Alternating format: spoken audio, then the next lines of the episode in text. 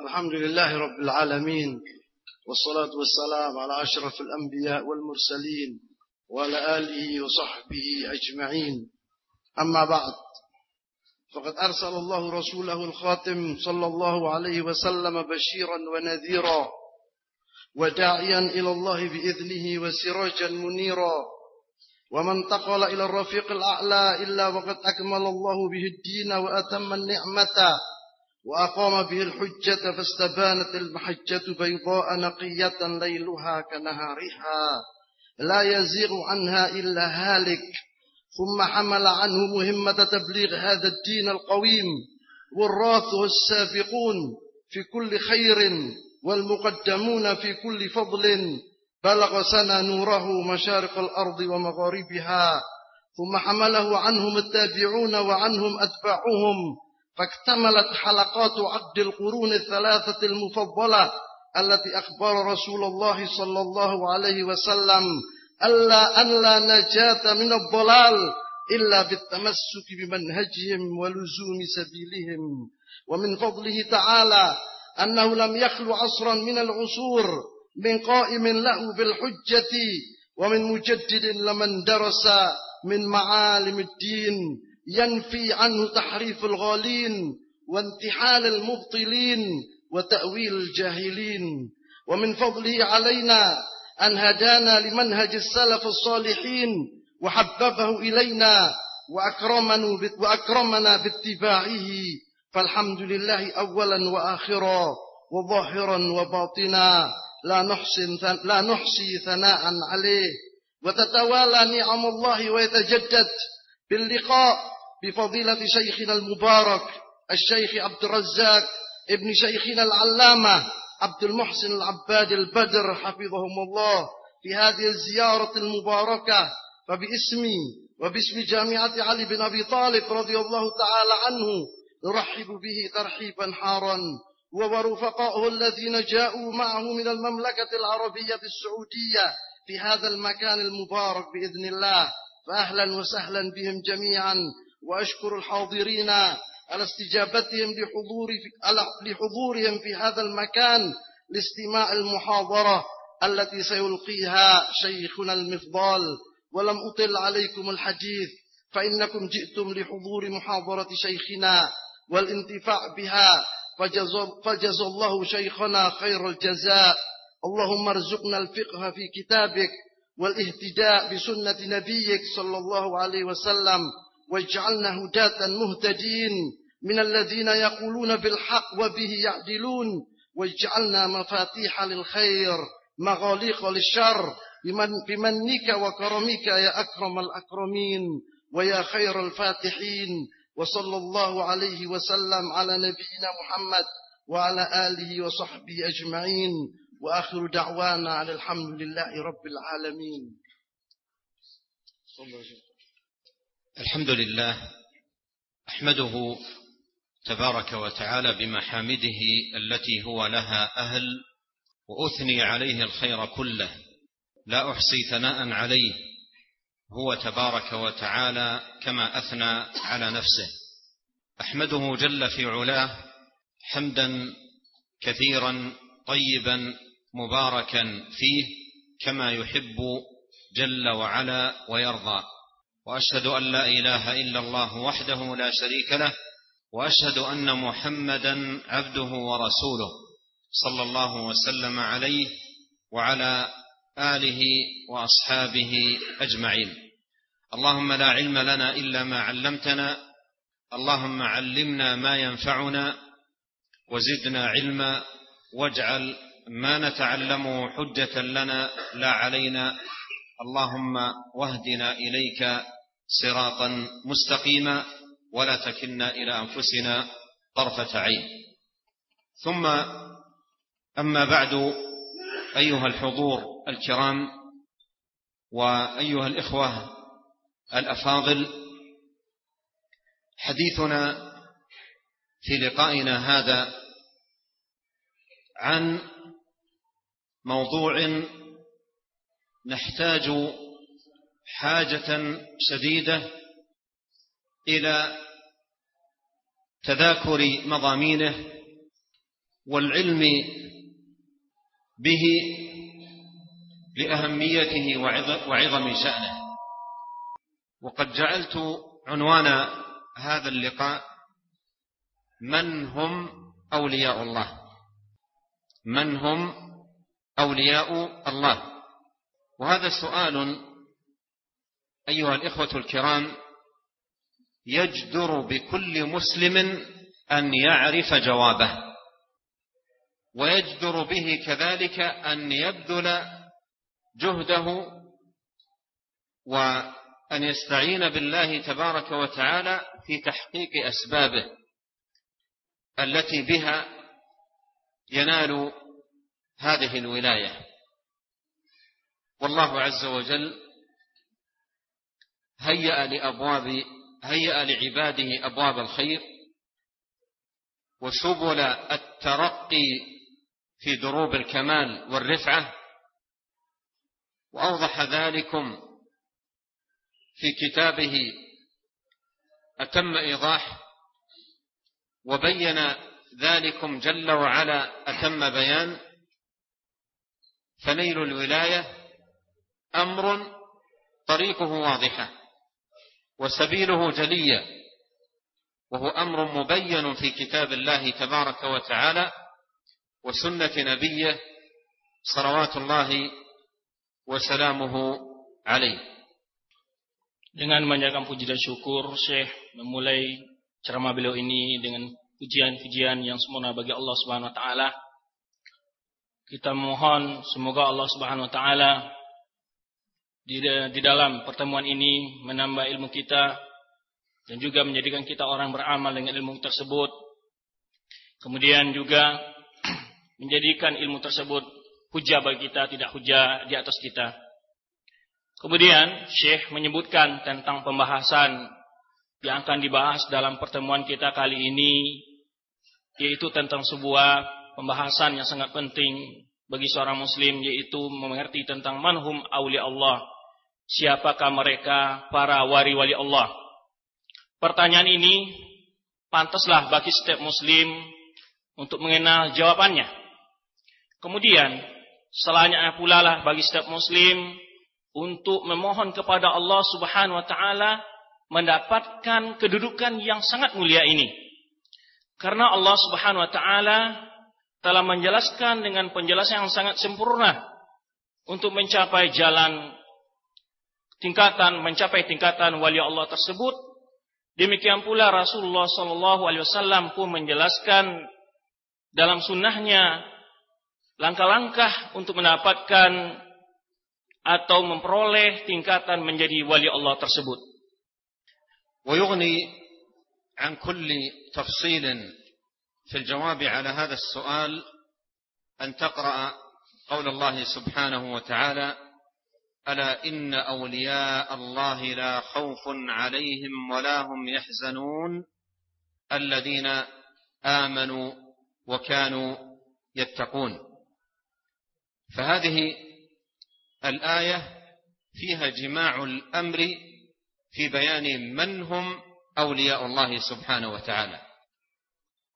وأن أولياء الله الذين لا خوف عليهم ولا هم يحزنون هم الذين جمعوا بين الإيمان والتقوى. وأن من كان مؤمنا تقيا كان لله وليا. فأولياء الله حقا وصدقا هم المؤمنون المتقون. Penjelasan rinci tentang jawaban dari pertanyaan judul pembahasan kita malam ini itu telah disebutkan oleh Allah Subhanahu wa taala dalam firman-Nya surat Yunus ayat 62 dan 63 Inna awliya Allah la khaufun alaihim wa lahum yahzanun. Sesungguhnya para wali Allah itu adalah mereka tiada rasa takut dan rasa sedih di atas mereka. Siapa mereka? Jawabannya tersimpul dalam firman Allah ini, alladzina amanu wa kanu yattaqun, yaitu orang-orang beriman dan orang-orang dan orang itu dan orang-orang bertakwa. Mereka di maka di dalam ayat ini tersimpul secara sempurna tentang siapakah mereka wali-wali Allah tersebut. Yaitu orang-orang yang terdapat dalam diri mereka dua sifat iman dan takwa. Barang siapa yang terdapat pada dirinya dua sifat ini, maka merekalah wali Allah yang sebenarnya. وقوله الذين آمنوا الإيمان المراد به الإيمان بالله وبكل ما أمر تبارك وتعالى بالإيمان به ويدخل في الإيمان بالله إخلاص الدين له وإفراده جل وعلا وحده بالعبادة والذل والخضوع وطاعته والانقياد لأمره وطاعة رسوله صلوات الله وسلامه وبركاته عليه.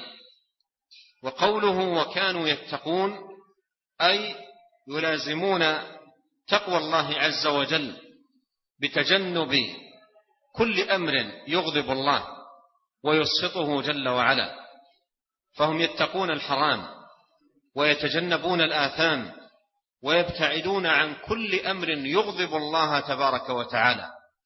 يفعلون ذلك تقربا إلى الله وسعيا في نيل رضاه فكانوا بذلكم هم أولياء الله. Kemudian dalam firman Allah Subhanahu wa taala wa kanu yattaqun adalah mereka itu orang-orang yang bertakwa.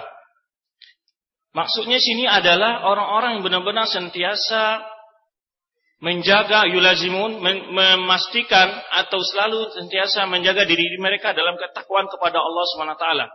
Senantiasa konsekuen dan berdiri teguh di atas ketakwaan kepada Allah Subhanahu wa taala. Kemudian eh, alladzina amanu yang pertama mereka adalah orang beriman, maksudnya adalah beriman dengan semua apa yang diperintahkan Allah Subhanahu wa taala beriman dengan Allah Subhanahu wa taala dan juga beriman dengan apa yang diperintahkan oleh Rasulullah SAW. Di antaranya adalah mengikhlaskan ibadah kepada Allah Subhanahu wa taala dan mentaati Allah dan Rasulnya. Kemudian makan yattaqun, mereka orang-orang senantiasa bertakwa, artinya adalah mereka menjauhi hal-hal yang diharamkan oleh Allah Subhanahu wa taala. Di dalam meninggalkan hal-hal yang diharamkan Allah Subhanahu wa taala, mereka meniatkan yaitu sebagai ibadah taqarruban ilallah dalam rangka mendekatkan diri kepada Allah Subhanahu wa taala dan mengharap ridha dari Allah Subhanahu wa taala dalam meninggalkan hal-hal yang dilarang oleh Allah Subhanahu wa taala tersebut. وقد أفادت الآية الكريمة أن الولاية علم وعمل الولاية عقيدة وعبادة. الولاية طاعة وامتثال. ليست مجرد ادعاء. إذ إن من السهل على كل أحد أن يقول عن نفسه إنه ولي من أولياء الله. لكن الولاية حقيقتها ودليل صدقها أن يجمع العبد بين العلم والعمل بين العقيدة الصحيحة والعبادة القويمة والتقرب إلى الله سبحانه وتعالى Ayat di atas memberikan penjelasan kepada kita atau memberikan faedah kepada kita bahwa wilayah itu tersimpul dalam beberapa hal. Pertama ilmu dan amal, ketaatan dan melaksanakan perintah-perintah Allah Subhanahu wa taala. Karena kewilayahan kepada Allah Subhanahu wa taala tidaklah mungkin dicapai hakikatnya kecuali dengan dengan ilmu dan amal dan ketaatan kepada Allah Subhanahu wa taala, ibadah yang benar dan juga ilmu yang sempurna. Wa aslu al-wilayah kama bayyana ahli al-ilm huwa al-qurb. كما أن ضد الولاية وهو العداوة هو البعد. فأولياء الله هم أهل القرب من الله سبحانه وتعالى بالتقرب إلى الله عز وجل بطاعته بالإيمان به بعبادته بإخلاص الدين له بالبعد عما حرمه ونهى عباده عنه. فمن كان كذلكم فهو من أهل الولاية لأنه من أهل القرب والتقرب إلى الله عز وجل makna atau arti ibadah adalah artinya al-qurb, arti mendekatkan diri kepada Allah Subhanahu wa taala. Al-wilayah lawan dari adawah. Adawah artinya menjauhi atau permusuhan. Maka ahlul wilayah adalah ahlu taqarrub, orang yang benar-benar senantiasa mendekatkan diri kepada Allah Subhanahu wa taala dengan keimanan dan ibadah serta menjauhi hal-hal yang diharamkan oleh Allah Subhanahu wa taala. Maka orang yang melaksanakan hal seperti ini mereka lah sebenarnya wali-wali Allah Subhanahu wa taala. يوضح ذلكم الحديث المشهور بحديث الولي وهو حديث خرجه الإمام البخاري رحمه الله تعالى في كتابه الصحيح من حديث أبي هريرة رضي الله عنه عن النبي صلى الله عليه وسلم أنه قال إن الله تعالى قال من عادى لي وليا فقد آذنته بالحرب وما تقرب إلي عبدي بشيء أحب إلي مما افترضته عليه ولا يزال عبدي يتقرب إلي بالنوافل حتى أحبه. فإذا أحببته كنت سمعه الذي يسمع به وبصره الذي يبصر به ويده التي يبطش بها ورجله التي يمشي بها ولئن سألني لأعطينه ولئن استعاد بي لأعيذنه. تأمل هذا الحديث العظيم. لما قال الله عز وجل من عادى لي وليا فقد آذنته بالحرب. كأنه قيل من هم الأولياء. كأنه قيل من هم الأولياء. فجاء الجواب في الحديث وما تقرب إلي عبدي بشيء أحب إلي مما افترضته عليه ولا يزال عبدي يتقرب إلي بالنوافل حتى أحبه. فأفاد أن حقيقة الولاية التقرب إلى الله وكلما كان العبد أعظم تقرب إلى الله سبحانه وتعالى كان أعظم حظ ونصيب في نيل الولاية Hal ini dijelaskan lagi oleh Rasulullah Shallallahu Alaihi Wasallam dalam sabda beliau hadis yang terkenal dengan hadis wali yang diriwayatkan oleh Imam Bukhari dalam sahihnya dari sahabat Abu Hurairah radhiyallahu anhu yang mana Rasulullah Shallallahu Alaihi Wasallam bersabda dalam sebuah hadis kutsi bahwa Allah berkata, Inna Allah qala bahwa Allah berkata, Man ada di waliyan, barang siapa yang memusuhi para waliku, Fakat azan tu birhab, sungguh teka aku telah mengumumkan peperangan terhadapnya. Dan tidaklah seorang hamba mendekatkan diri kepadaku dengan sesuatu yang amat aku cintai dari apa-apa yang aku wajibkan padanya dan tidak pula dan senantiasalah seorang hamba mendekatkan diri kepadaku dengan hal-hal yang mandub nawafil dengan ibadah-ibadah sunnah sampai aku mencintainya kata Allah Subhanahu wa taala. Bila aku mencintainya maka aku akan menuntun pendengarannya yang dia mendengar dengannya. Dan akan menuntun pandangannya yang dia dengan itu dia dengan dengan itu dia melihat. Dan akan menuntun kedua tangannya yang dengan keduanya itu dia memegang dan akan menuntun kakinya yang dia berjalan dengannya. Jika dia memohon kepadaku kata Allah, aku akan memberinya dan jika memohon perlindungan padaku, aku akan melindunginya. Dalam hadis yang agung ini kata Syekh, yaitu jika kita merenungkan makna hadis ini, yaitu jawaban terhadap pertanyaan tadi, manhum ali Allah. Seakan-akan dalam hadis ini ada jawabannya. Yaitu siapakah mereka ahli Allah? Adalah orang-orang yang benar-benar mendekatkan diri kepada Allah Subhanahu wa taala maka orang yang paling banyak mendekatkan diri kepada Allah, baik dengan amalan-amalan wajib maupun amalan sunnah, maka dia adalah orang yang paling tinggi derajatnya kewaliannya, orang yang paling tinggi derajat kewaliannya di sisi Allah Subhanahu wa taala.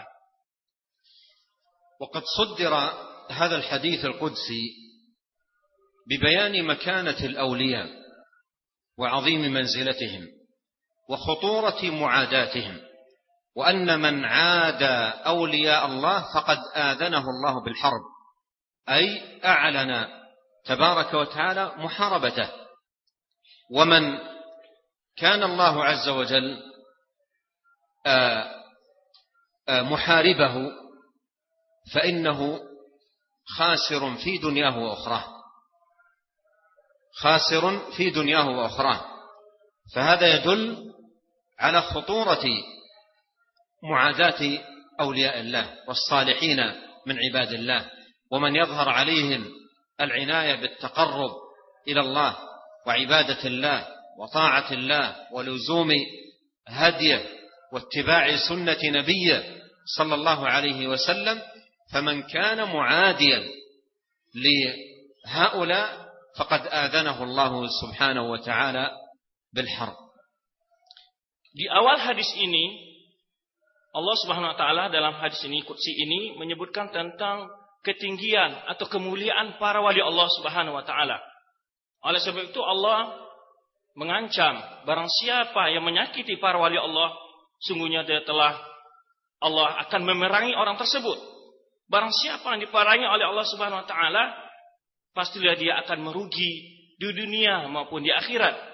Oleh sebab itu, barang siapa yang memperlihatkan atau yang sungguh-sungguh di dalam menjalankan ketaatan dalam ibadah-ibadahnya dan menegakkan sunnah maka mereka lapari oleh Allah Subhanahu wa taala dan barang siapa yang memusuhi dia orang yang menegakkan ketaatan kepada Allah dan menegakkan sunnah maka dia adalah musuh Allah Subhanahu wa taala dan Allah akan menghancurkannya dan akan rugi dia di dunia dan di akhirat. وهنا يجب على الإنسان أن يحذر أشد الحذر في هذا المقام من معاداة الصالحين وإيذاء الذين يظهر, يظهر عليهم الصلاح يظهر عليهم الحرص على العلم الحرص على العبادة الحرص على المساجد الحرص على الطاعة الحرص على بر الوالدين صلة الأرحام إلى غير ذلك من أنواع القربات التي يتقرب بها إلى الله سبحانه وتعالى. ففي هذا المقام ليحذر الإنسان أشد الحذر من معاداة هؤلاء أو إيذائهم أو السخرية بهم أو أو الاستهزاء أو نحو ذلك. وقد يكون الإنسان يسخر من شخص ويستهزئ به وهو خير من ملء الأرض مثله. فإذا لم يتمكن من بلوغ منزلته فلا أقل من أن يكف شره وأذاه. ليسلم من العقوبة الوخيمة التي يبوء بها من يعادي أولياء الله سبحانه وتعالى. Di dalam hadis ini terdapat penjelasan, yaitu peringatan, yaitu dari memusuhi orang-orang soleh dan menyakiti mereka. Mereka orang-orang yang sungguh-sungguh dalam mencari ilmu, dalam berbuat ketaatan, berbuat baik kepada orang tua, menegakkan sunnah, dan amal-amalan taat yang lainnya. Seperti mengolok-olok orang-orang yang menegakkan sunnah, orang-orang yang taat kepada Allah Subhanahu wa taala, merolok-olok mereka jika seseorang tidak mampu mencapai ketakwaan, ketak ibadah yang mereka lakukan, maka hendaknya dia menahan dirinya dari tidak menyakiti orang tersebut. Maka oleh sebab itu hendaknya hendaklah seorang manusia hati-hati dari memusuhi orang-orang yang soleh, orang-orang yang mendekatkan diri kepada Allah Subhanahu wa taala, yang rajin datang ke masjid dan lain-lainnya. Kemudian al-aqwal. Kemudian di antara hal bentuk yang menjadikan mendekatkan diri kita kepada Allah adalah yaitu mencintai orang mencintai orang-orang soleh itu sendiri, yaitu memiliki dada yang selamat, tidak rasa dengki atau benci kepada mereka dan menghindari tindakan-tindakan yang serupa. Karena mencintai orang-orang soleh itu adalah bagian dari hal yang mendekatkan diri kepada Allah Subhanahu wa taala. وقد دل هذا الحديث المشهور بحديث الولي أن أولياء الله على درجتين الدرجة الأولى درجة التقرب إلى الله عز وجل بفعل فرائض الإسلام وواجبات الدين وهذا مستفاد من قوله وما تقرب إلي عبدي بشيء أحب إلي مما افترضته عليه. والله عز وجل افترض علينا فعل الواجبات وترك المحرمات. فإذا الدرجة الأولى من الولاية الدرجة الأولى من الولاية هي درجة التقرب إلى الله سبحانه وتعالى بفعل ما افترضه على عباده بأن يفعل الواجب وأن يترك المحرم. فالشخص الذي يحافظ على واجبات الدين الصلوات الخمس صيام رمضان الزكاة المفروضة إذا كان يملك النصاب حج بيت الله الحرام إذا كان عنده الاستطاعة. لذلك الذي يفعل هذه الواجبات ويتجنب الحرام يبتعد عن الكبائر من زنا أو سرقة أو نحو ذلك من الكبائر فهذا ولي من أولياء الله سبحانه وتعالى وهي درجة من درجات الولاية وهي درجة المقتصدين. والمقتصد هو الذي يتقرب إلى الله عز وجل بفعل ما أمر وترك ما نهى عنه جل وعلا وزجر Kemudian dalam hal ini terdapat juga penjelasan bahwa wali Allah itu ada dua tingkat. Tingkat yang pertama adalah dijelaskan oleh Allah SWT tidaklah seorang hamba mendekatkan diri kepadaku dengan hal yang aku yang lebih aku cintai dari hal yang aku wajibkan kepadanya. Ini tingkatan yang pertama yaitu menjalankan hal-hal yang diwajibkan kepada seorang hamba dari melakukan hal yang wajib, perintah-perintah yang wajib dan meninggalkan hal-hal yang diharamkan. Barang siapa yang melaksanakan hal-hal yang wajib dan meninggalkan hal yang diharamkan Allah Subhanahu wa taala, maka dia adalah termasuk wali Allah Subhanahu wa taala. Tingkatan ini disebut dengan tingkatan al-muqtasidin. Yang disebut al-muqtasid atau muqtasidin adalah orang yang melakukan hal-hal yang wajib dan meninggalkan hal yang haram seperti hal-hal yang wajib adalah masalah yang salat, puasa bulan Ramadan, zakat yang wajib dan haji bagi orang mampu untuk melaksanakannya. الدرجة الثانية وهي أعلى من هذه الدرجة درجة التقرب إلى الله عز وجل بفعل النوافل والمستحبات بعد العناية بالفرائض والواجبات. وهذه مستفادة من قوله سبحانه وتعالى في هذا الحديث القدسي ولا يزال عبدي يتقرب إلي بالنوافل حتى أحبه. والمراد بالتقرب بالنوافل أي بعد أداء الفرائض.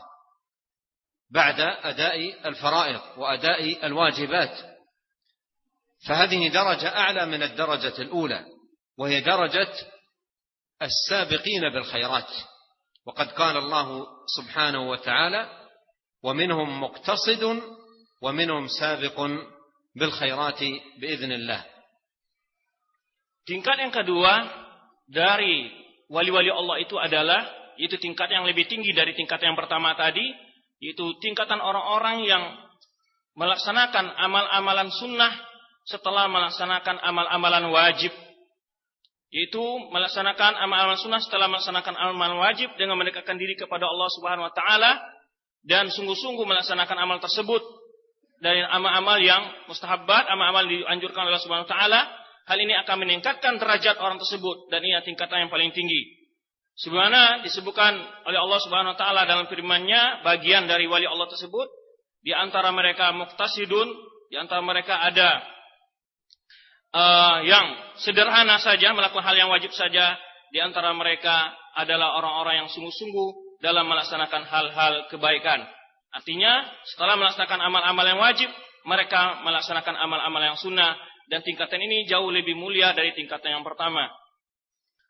ثم بين في الحديث الثواب الذي يناله أولياء الله سبحانه وتعالى ولا سيما من يجاهد نفسه على التقرب إلى الله عز وجل بالنوافل بعد أداء الفرائض والتقرب إلى الله سبحانه وتعالى بفعل المستحبات وأنواع القربات فإن العبد إذا كان كذلك فاز بحب الله له. وإذا كان قد فاز بذلك فله تلك الآثار التي بينت في هذا الحديث العظيم حيث قال فإذا أحببته كنت سمعه الذي يسمع به وبصره الذي يبصر به ويده التي يبطش بها ورجله التي يمشي بها ولئن سألني لأعطينه ولئن استعاذ بي لأعيذنه. أي أن الله يسدده في سمعه وفي بصره وفي يده وفي قدمه ويستجيب دعاءه ويعيذه إذا استعاذ به والتجأ إليه. هذه كلها من الكرامات والهبات والمنن التي يتفضل الرب بها سبحانه وتعالى على أوليائه المقربين. Kemudian di dalam hadis ini terdapat penjelasan pahala atau keistimewaan yang akan diperoleh oleh para wali Allah, yaitu orang-orang yang melaksanakan hal-hal yang diwajibkan Allah, kemudian bersungguh-sungguh pula dalam hal yang disunahkan oleh Rasulullah SAW, yaitu dalam menerangkan faedah dan pahala yang akan diberikan Allah adalah Allah menyebutkan apabila sampai Allah, Allah akan mencintai orang tersebut. Apabila dia melaksanakan hal yang wajib dan melakukan hal yang sunnah, Allah akan mencintainya. Apabila Allah mencintainya, maka Allah akan menuntun pendengarannya dan menuntun pandangannya dan kedua tangannya serta kakinya. Kemudian jika dia memohon kepada Allah Subhanahu wa taala, Allah akan memperkenankan doanya dan jika dia memohon perlindungan dari Allah Subhanahu wa taala, maka Allah akan melindunginya. Ini adalah tingkatan atau pahala yang sangat agung bagi orang-orang eh, bagi para wali Allah Subhanahu wa taala. Wa awliya Allah haqqan la yuzakkuna anfusahum. لا يزكون أنفسهم. قد قال الله سبحانه وتعالى في القرآن فلا تزكوا أنفسكم. هو أعلم من اتقى. فلا يزكي نفسه. لا يقول عن نفسه أنا من أولياء الله وأنا من المقربين وأنا وأنا. لا يقول ذلك. بل لا يزال يقدم الأعمال والقربات والطاعات وهو خائف أن ترد عليه وألا تقبل منه كما قال الله سبحانه وتعالى والذين يؤتون ما آتوا وقلوبهم وجلة أنهم إلى ربهم راجعون. أي قلوبهم خائفة من أن ترد عليهم أعمالهم وألا تقبل منهم طاعاتهم. كما فسر ذلكم آه، النبي صلى الله عليه وسلم. عندما سألته عائشة رضي الله عنها قالت يا رسول الله أهو الرجل يزني ويسرق ويقتل ويخاف أن يعذب؟ قال لا يا ابنة الصديق ولكنه الرجل يصلي ويصوم ويتصدق ويخاف أن لا يقبل. فأولياء الله لا يزكون أنفسهم. يقول عبد الله بن أبي مليكة أدركت أكثر من ثلاثين صحابيا. كلهم يخاف النفاق على نفسه. أدركت أكثر من ثلاثين صحابيا. كلهم يخاف النفاق على نفسه. وأبو الدرداء رضي الله عنه يقول لأن أستيقن أن الله قبل صحابي جليل. يقول لأن أستيقن أن الله قبل مني صلاة واحدة. أحب إلي من الدنيا وما فيها. أحب إلي من الدنيا وما فيها. فأولياء الله سبحانه وتعالى لا يزكون أنفسهم ولا يقول أنا أنا من الأولياء وأنا كذا لا يقول ذلك. بل يكون في تواضع وفي سكينة وفي هضم لنفسه وعدم عجب بعمله. فهذه شأن أولياء الله حقا وصدقا. Kemudian di antara sifat wali Allah adalah dia tidak merasa suci dirinya atau tidak mensucikan dirinya, tidak membanggakan ketaatannya. Ya, karena Allah Subhanahu wa taala melarang wala tuzakku anfusakum, jangan kalian mensucikan diri kalian dalam merasa suci, ya. Sedangkan Allah yang lebih tahu siapa yang benar-benar bertakwa.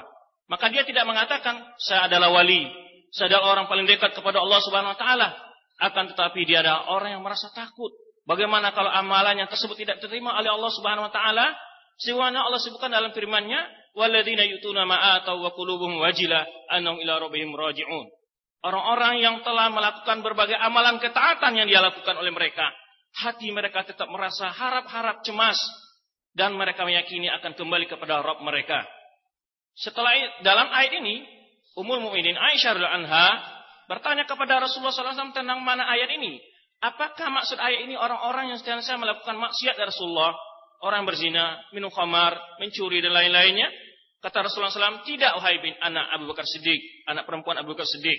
Ya, tetapi mereka itu adalah orang yang sholat, berpuasa, dan berzakat dan mengamalkan amalan ketaatan. Tetapi mereka merasa cemas amal-amal mereka itu tidak terima oleh Allah Subhanahu wa taala. Oleh sebab itu kita lihat lagi salah seorang tabi'i yaitu Abdullah bin Abi Mulaika menyebutkan bagaimana mereka adalah orang-orang yang lambang dari hamba-hamba Allah, para wali Allah, menyebutkan adraktu aktsara min salasina sahabiyan, aku menemui lebih dari 30 orang sahabat. Yang mereka ini adalah tokoh-tokoh para wali Allah, semuanya mereka yaitu takut itu kena kemunafikan pada diri mereka. Demikian pula berkata sahabat yang jalil Abu Darda radhiyallahu anhu menyebutkan, seandainya aku yakin Allah menerima salah satu dari ibadahku, dari, dari solatku, satu solat saja, itu lebih aku sukai daripada dunia dan segala isinya. Ini bukti bagaimana sahabat, para wali Allah itu adalah mereka memiliki sifat tawaduk, dan mereka tidak ujub, tidak bangga diri dengan amal-amal ketaatan mereka. Itulah mereka wali Allah yang sesungguhnya, yang tidak membanggakan diri mereka, atau memperamirkan jabatan kewalian mereka di hadapan manusia. وليس من شرط الولي أن يجري على يده أمرا خارقا للعادة فليس من شرط الولاية وجود أمر خارق للعادة على يد الولي. وليس من شرط الولاية ظهور كرامة في أمر خالق خارق للعادة بل أعظم كرامة نيل الاستقامة. أعظم كرامة أن يكون الإنسان مصلي أن يكون صائما أن يكون متصدقا أن يكون بارا إذا نظرت إلى العالم وجدت فيه المجوسي وفيه اليهودي وفيه المشرك وفيه وفيه من أصناف أنواع الضلال والباطل والشرك والكفر بالله سبحانه وتعالى. فأعظم كرامة أن يكون الإنسان من أهل طاعة الله. ليس مشركا ولا وثنيا ولا مجوسيا ولا مبطلا وإنما على دين الله سبحانه وتعالى واتباع سنة نبيه.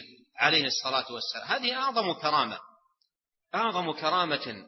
ولهذا قال أهل العلم أعظم كرامة لزوم الاستقامة. أعظم كرامة لزوم الاستقامة أن يكون الإنسان مستقيما على طاعة الله سبحانه وتعالى. أما ظهور الأمر الخارق للعادة هذا ليس علامة على الولاية لأنه ليس من شرط الولي أن يظهر على يديه الأمر الخارق للعادة. ثم ظهور الأمر الخارق للعادة على يد إنسان ليس بحد ذاته دليل على ولايته لأن الأمر الخارق للعادة قد يكون من الأحوال الشيطانية ومن تعاون الشياطين معه ليضل الناس عن دين الله سبحانه وتعالى. ولهذا يجب أن يحذر من آه، هذا الطريق الذي يجعله بعض الناس بابا لمعرفة الولاية. يقولون فلان ولي لماذا؟ قال لأن يفعل كذا. أمور خارقة للعادة يقول يفعل كذا. لا إذا, إذا, إذا أراد أن يقول أحد عن شخص إنه ولي ولا تقال أصلا وإنما يقال نحسبه من الأولياء. نرجو أن أن يكون من الأولياء. إن شاء الله أنه من الأولياء لكن لا يجزم. هذه الكلمة نحسبه إن شاء الله أنه من الأولياء متى يقال؟ متى تقال؟ عندما تقول فلان ما رأيته أبدا قد تخلف عن صلاة الجماعة. أبدا ما رأيته تخلف. هو جاري ما رأيته تخلف عن صلاة الجماعة. أسمع عنه برا عظيما بوالديه. أسمع عنه أن عنده صدقات ويساعد المحتاجين ويقف مع المعسرين إلى آخره. أحسبه من أولياء الله. هذا هو المسلك الصحيح.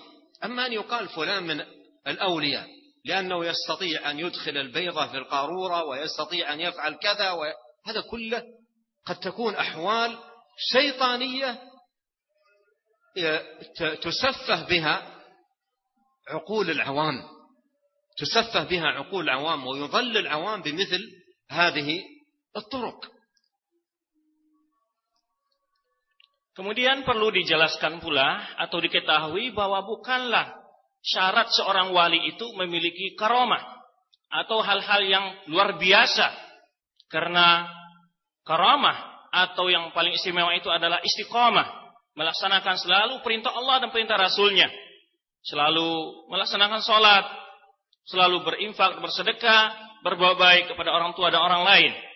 Apalagi dan yang lebih adam, lebih pantas dijadikan sebagai alamat, alamat atau tanda-tanda seorang wali adalah orang tersebut melaksanakan ajaran Islam dan menegakkan sunnah Rasulullah SAW. Oleh sebab itu sebagian ulama menyebutkan bahwa a'zamul karamah, luzumul istiqamah, karamah yang paling agung adalah diberikannya istiqamah oleh Allah kepada orang tersebut dalam melakukan ketaatan kepada Allah Subhanahu wa taala. Jadi hal-hal yang luar biasa atau karomah-karomah bukanlah sebagai syarat mutlak bagi seorang wali dan itu bukanlah sebagai dalil atas seorang tersebut dia sebagai seorang wali. Karena boleh jadi hal-hal yang luar biasa tersebut melalui urusan-urusan sihir atau melalui perkara-perkara syaitan. Dan oleh sebab itu hendaklah seorang muslim hati-hati terhadap jalan ini yaitu menyangka atau beranggapan seorang wali adalah apabila dia mampu memiliki hal-hal yang luar biasa seperti memasukkan telur ke dalam botol atau yang lain-lainnya. Kemudian jika kita melihat seseorang senantiasa berbuat taat kepada Allah Subhanahu wa taala, ya, kita mengatakan insya Allah dia adalah dari wali Allah. Tapi kapan kita katakan dia insya Allah sebagai wali Allah apabila dia melaksanakan ketaatan kepada Allah Subhanahu wa taala. Ya, apabila zahir, apabila muncul dari perkataan dan perbuatan-perbuatannya menggambarkan ketaatan kepada Allah, maka kita mengatakan mudah-mudahan dia adalah termasuk salah seorang dari wali Allah. بل تحول هذا الأمر إلى خرافات لا حد لها ولا عد أدخلت تحت مسمى الولاية وأنواع من الغلو في بعض الأشخاص كلها أدخلت في باب الولاية وأصبحت خرافات تروج عند العوام وعند الجهال وعند من لا علم لهم بدين الله تبارك وتعالى وكل ذلكم تحت الولاية. والحديث عن هذا الجانب يطول جدا لكن أعجب ما يكون في هذا الأمر أن الولاية أصبحت تطلق على أشخاص لا يعرفون بالعبادة ولا يعرفون بالتقرب إلى الله سبحانه وتعالى ويعرف عنهم أمور عظيمة منكرة. ويقال عنهم أولياء يقال عنهم أولياء لله سبحانه وتعالى. بل أصبح الأمر ادعاءات من أعظم ما يكون بطلانا. مثل الخرافة التي انتشرت من قديم عند بعض الناس أن الولي لا يذهب إلى الكعبة ليطوب بالبيت. قالوا مقامه أعلى من ذلك. البيت هو الذي يذهب إليه ويطوف به. البيت هو الكعبة هي التي تذهب إليه وتطوب به. ولهذا بعضهم لا يذهب. وإذا قيل قال له أتباعا ما رأيناك ذهبت لتطوف بالبيت. يقول البيت هو الذي يطوف به البيت هو الذي يطوف به مع أن سيد الأولياء وإمام الأتقياء محمد صلوات الله وسلامه عليه ذهب إلى مكة مرات كثيرة وطاف ببيت الله وهو سيد الأولياء وإمام المتقين صلوات الله وسلامه عليه. ثم تكتب هذه الخرافة في بعض الكتب حتى أنه في بعض كتب الأحكام. بعض كتب الأحكام كتب الفقه عقدوا مسألة مبنية على هذه الخرافة. قالوا إذا ذهبت الكعبة تطوب بالأولياء إلى أين يصلي الناس؟ قال صاحب الكتاب اختلف العلماء في هذه المسألة على قولين. القول الأول أن الناس يصلون إلى الكعبة باعتبار الأصل ولأنهم لا يدرون أين ذهبت الكعبة. قال والقول الثاني أنه يجب على الناس أن يتحروا مكان ذهابها ويصلون إلى الجهة التي ذهبت إليه. هذه كلها خرافات تدرج على الجهال والعوام ثم النتيجة النتيجة لمثل هذا الدجل والخرافة أن الشخص لا يصلي ولا يطوف ولا يعبد الله ويقول عنه أتباعه هذا أعظم الأولياء. ثم أيضا نتيجة ذلك نتيجة ذلك نوع من الأكل لأموال الناس بالباطل. والاستخفاف بعقول الجهال والعوام والتضييع للدين والاتباع لشرع الله سبحانه وتعالى فواسف كل هذا هذه الأمور أدخلها آه، الضلال تحت مسمى الولاية Kemudian di antara khurafat-khurafat atau cerita-cerita bohong yang muncul akibat persepsi bahwa seorang wali harus memiliki Roma itu adalah yaitu ekstrim dalam mencintai para orang-orang soleh atau uh, berlebih-lebihan dalam menilai seseorang dengan alasan dia memiliki keromah ya sehingga terjadilah hulu kepada para orang-orang soleh. Atau bahkan kadang-kadang orang-orang yang tidak melaksanakan ibadah sekalipun dia dianggap yang penting dia memiliki hal-hal yang luar biasa dianggap sebagai wali. Pembicaraan masalah ini sangat panjang sekali tetapi sering di tengah-tengah masyarakat penggunaan kata-kata wali terhadap orang-orang yang biasa dalam kehidupan sehari-hari mereka melakukan maksiat, bahkan meninggalkan sholat, dan dia kadang-kadang mengaku sebagai wali. Terjadilah pengakuan di sana sini bahwa dia adalah wali. Kemudian di antara contoh, cita-cita palsu itu adalah, yaitu disebutkan atau cerita yang tersebar sebagaimana di tengah sebagian masyarakat, bahwa ciri wali itu adalah dia tidak mau tawaf di Ka'bah tapi Ka'bah lah yang akan tawaf di sekelilingnya. Ya. Maka ini satu cita yang banyak tersebar di tengah masyarakat bahwa seorang wali adalah dia kalau naik haji tidak naik pesawat tapi naik angin dan segala macamnya. Cerita-cerita bohong ini. Tetapi kalau kita lihat penghulu semua wali Allah itu Rasulullah SAW bertawaf di Ka'bah, bukan Ka'bah yang tawaf dengan ini. Bahkan sampai cerita-cerita ini masuk ke dalam sebagian kitab-kitab hukum fikih. Ya, disebutkan khilaf para ulama kadang-kadang. Seandainya bila Ka'bah pergi tawaf mengelilingi wali, bagaimana orang salat? Pendapat pertama menyebutkan yaitu menghadap ke tempatnya yang asli. Pendapat kedua menyebutkan yaitu memperkirakan ke mana Ka'bah itu berjalan. Ini bentuk-bentuk dari khurafat cerita bohong tersebut. Kemudian akibat dari ini terjadilah yaitu persepsi kewalian kepada orang-orang yang tidak sholat, kepada orang-orang yang meninggalkan ketaatan kepada Allah Subhanahu Wa Taala, dan lebih parah lagi menjadikan label kewalian cara untuk memakan harta manusia. Dan inilah yang harus kita waspadai bagi kaum muslimin siapa sebenarnya wali Allah tersebut. وعلى كل فالحديث عن الخرافات والأباطيل والضلالات التي راجت في بعض المجتمعات تحت مسمى الولاية حديث يطول لأن الخرافة ولا سيما في المناطق التي يكثر فيها الجهل وقلة العلم وقلة البصيرة بسنة النبي عليه الصلاة والسلام تدرج الخرافة بسهولة وتنتشر. فالحديث عن ذلك حديث يطول. لكنني أقول أيها الإخوة الكرام من أراد طريق الولاية فليجعل جميع هذه الخرافات جانبا وليجعل أهل هذه الخرافات جميعا جانبا وليمضي في طريق الله المستقيم إلى المسجد كل صلاة يؤدي فريضة الإسلام يبكر لأداء هذه الطاعة يحرص على واجبات الدين يجاهد نفسه مجاهدة عظيمة على البعد عن الحرام وتجنب الآثام ولا سيما إذا كان في زمان تكثر فيه الفتن التي تهيج الفاحشة وتهيج الرذيلة.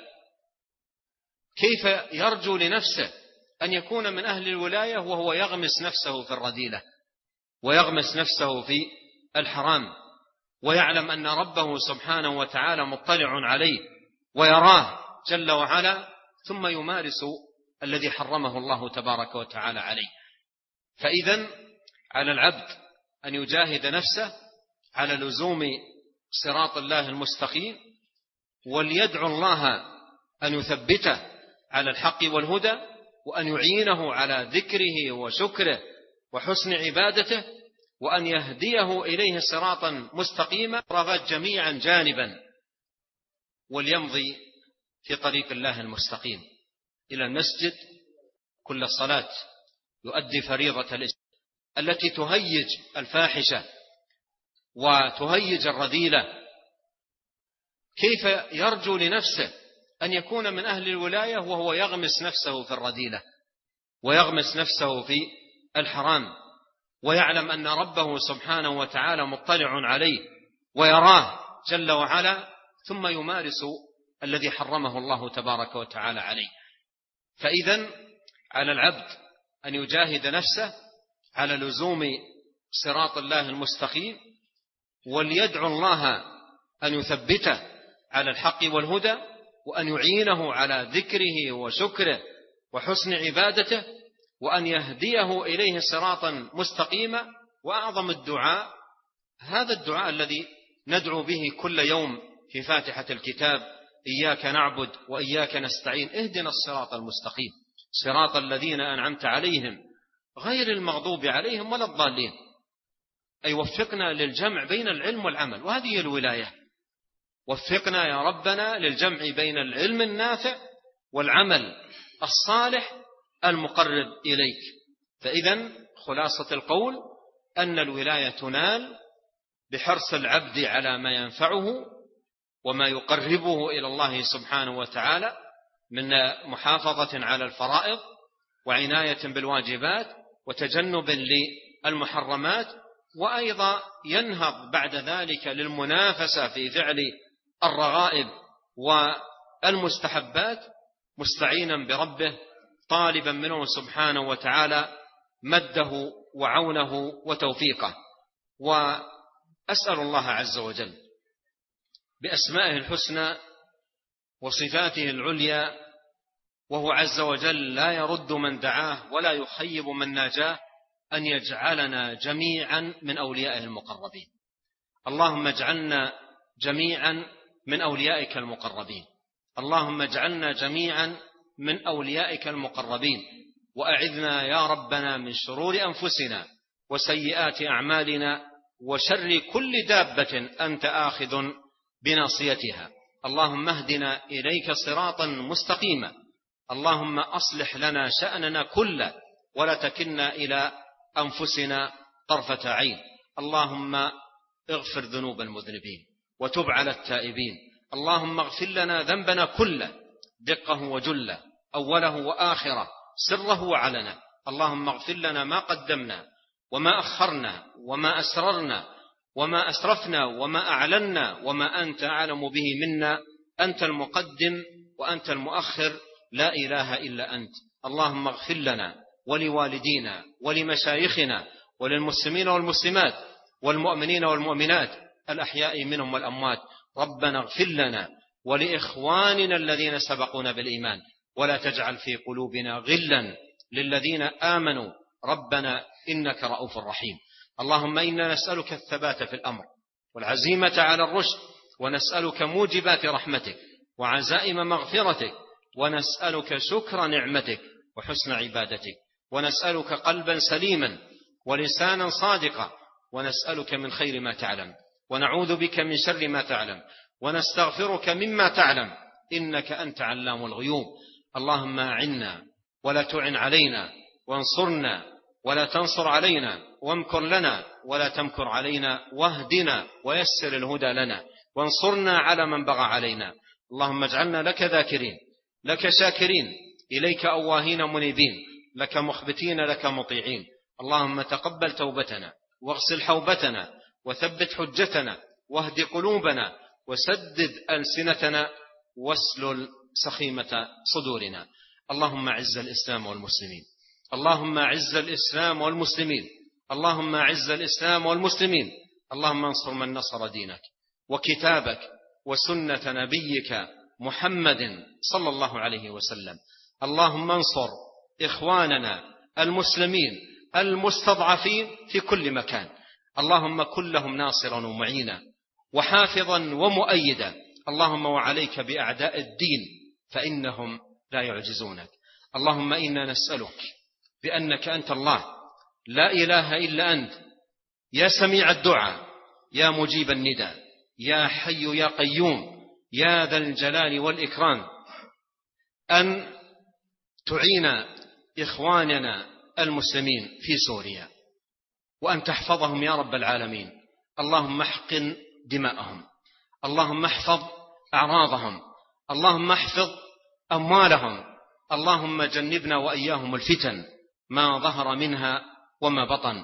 اللهم إنا نسألك بأسمائك الحسنى وصفاتك العليا وبأنك أنت الله لا إله إلا أنت أن تتقبل منا صالح أعمالنا وأن تغفر لنا تقصيرنا وإسرافنا في أمرنا وأن تهدينا إليك صراطا مستقيما. وآخر دعوانا أن الحمد لله رب العالمين صلى الله وسلم على عبده ورسوله نبينا محمد وعلى آله وصحبه أجمعين.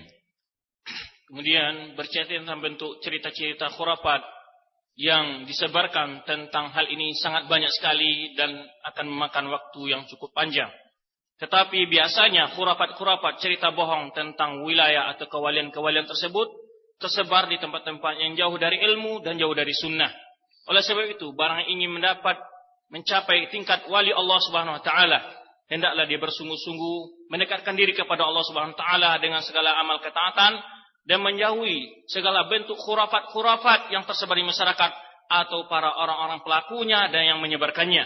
Kemudian bersungguh-sungguh menjalankan salat di masjid dan menuntut ilmu serta menjauhi segala tempat-tempat dosa dan tempat yang keharaman oleh Allah Subhanahu taala apalagi di zaman fitnah yang cukup luar biasa ini bagaimana seseorang bisa mengharap kewalian dan dia terjerumus dan tenggelam dalam segala bentuk berbagai keharaman yang diharamkan Allah Subhanahu wa taala maka oleh sebab itu kita hendaknya memohon kepada Allah Subhanahu wa taala dalam doa yang kita baca dalam salat kita dalam surah Al-Fatihah ihdinas siratal mustaqim. Kita mohon kepada Allah Subhanahu wa taala untuk ditunjuk kepada jalan yang lurus, jalan-jalan telah diberi nikmat kepada mereka oleh Allah Subhanahu wa taala. Kemudian kita mohon kepada Allah Subhanahu wa taala agar mendapat ilmu dan juga dibantu oleh Allah Subhanahu taala untuk mengamalkan ilmu yang kita dapat. Kesimpulannya, wilayah adalah atau untuk mengejar kewalian adalah bersungguh-sungguh menjalankan hal-hal yang wajib dan menjauhi segala hal yang diharamkan Allah serta menambah melakukan hal-hal yang sunnah-sunnah atau amal-amalan sunnah. Kemudian terakhir Syekh berdoa dengan doa yang cukup panjang sekali memohon bertawasul dengan nama dan sifat-sifat Allah Subhanahu wa taala agar Allah mengampuni dosa-dosa kita, dosa-dosa orang tua kita, dan para guru-guru kita, kemudian juga membantu kaum muslimin yang lemah di mana pun di tempat di bumi Allah ini. Terlebih khusus saudara-saudara kita yang ada di Suriah. Semoga Allah SWT menjaga kita dan melihara kita di atas sunnah dan menjaga sampai akhir hayat kita. Kemudian saya menutup dengan bersalat kepada Nabi Sallallahu Alaihi Wasallam. Demikian apa yang dapat kami terjemahan. Mohon maaf jika ada kekurangan dan keliruan. Wassalamualaikum warahmatullahi wabarakatuh.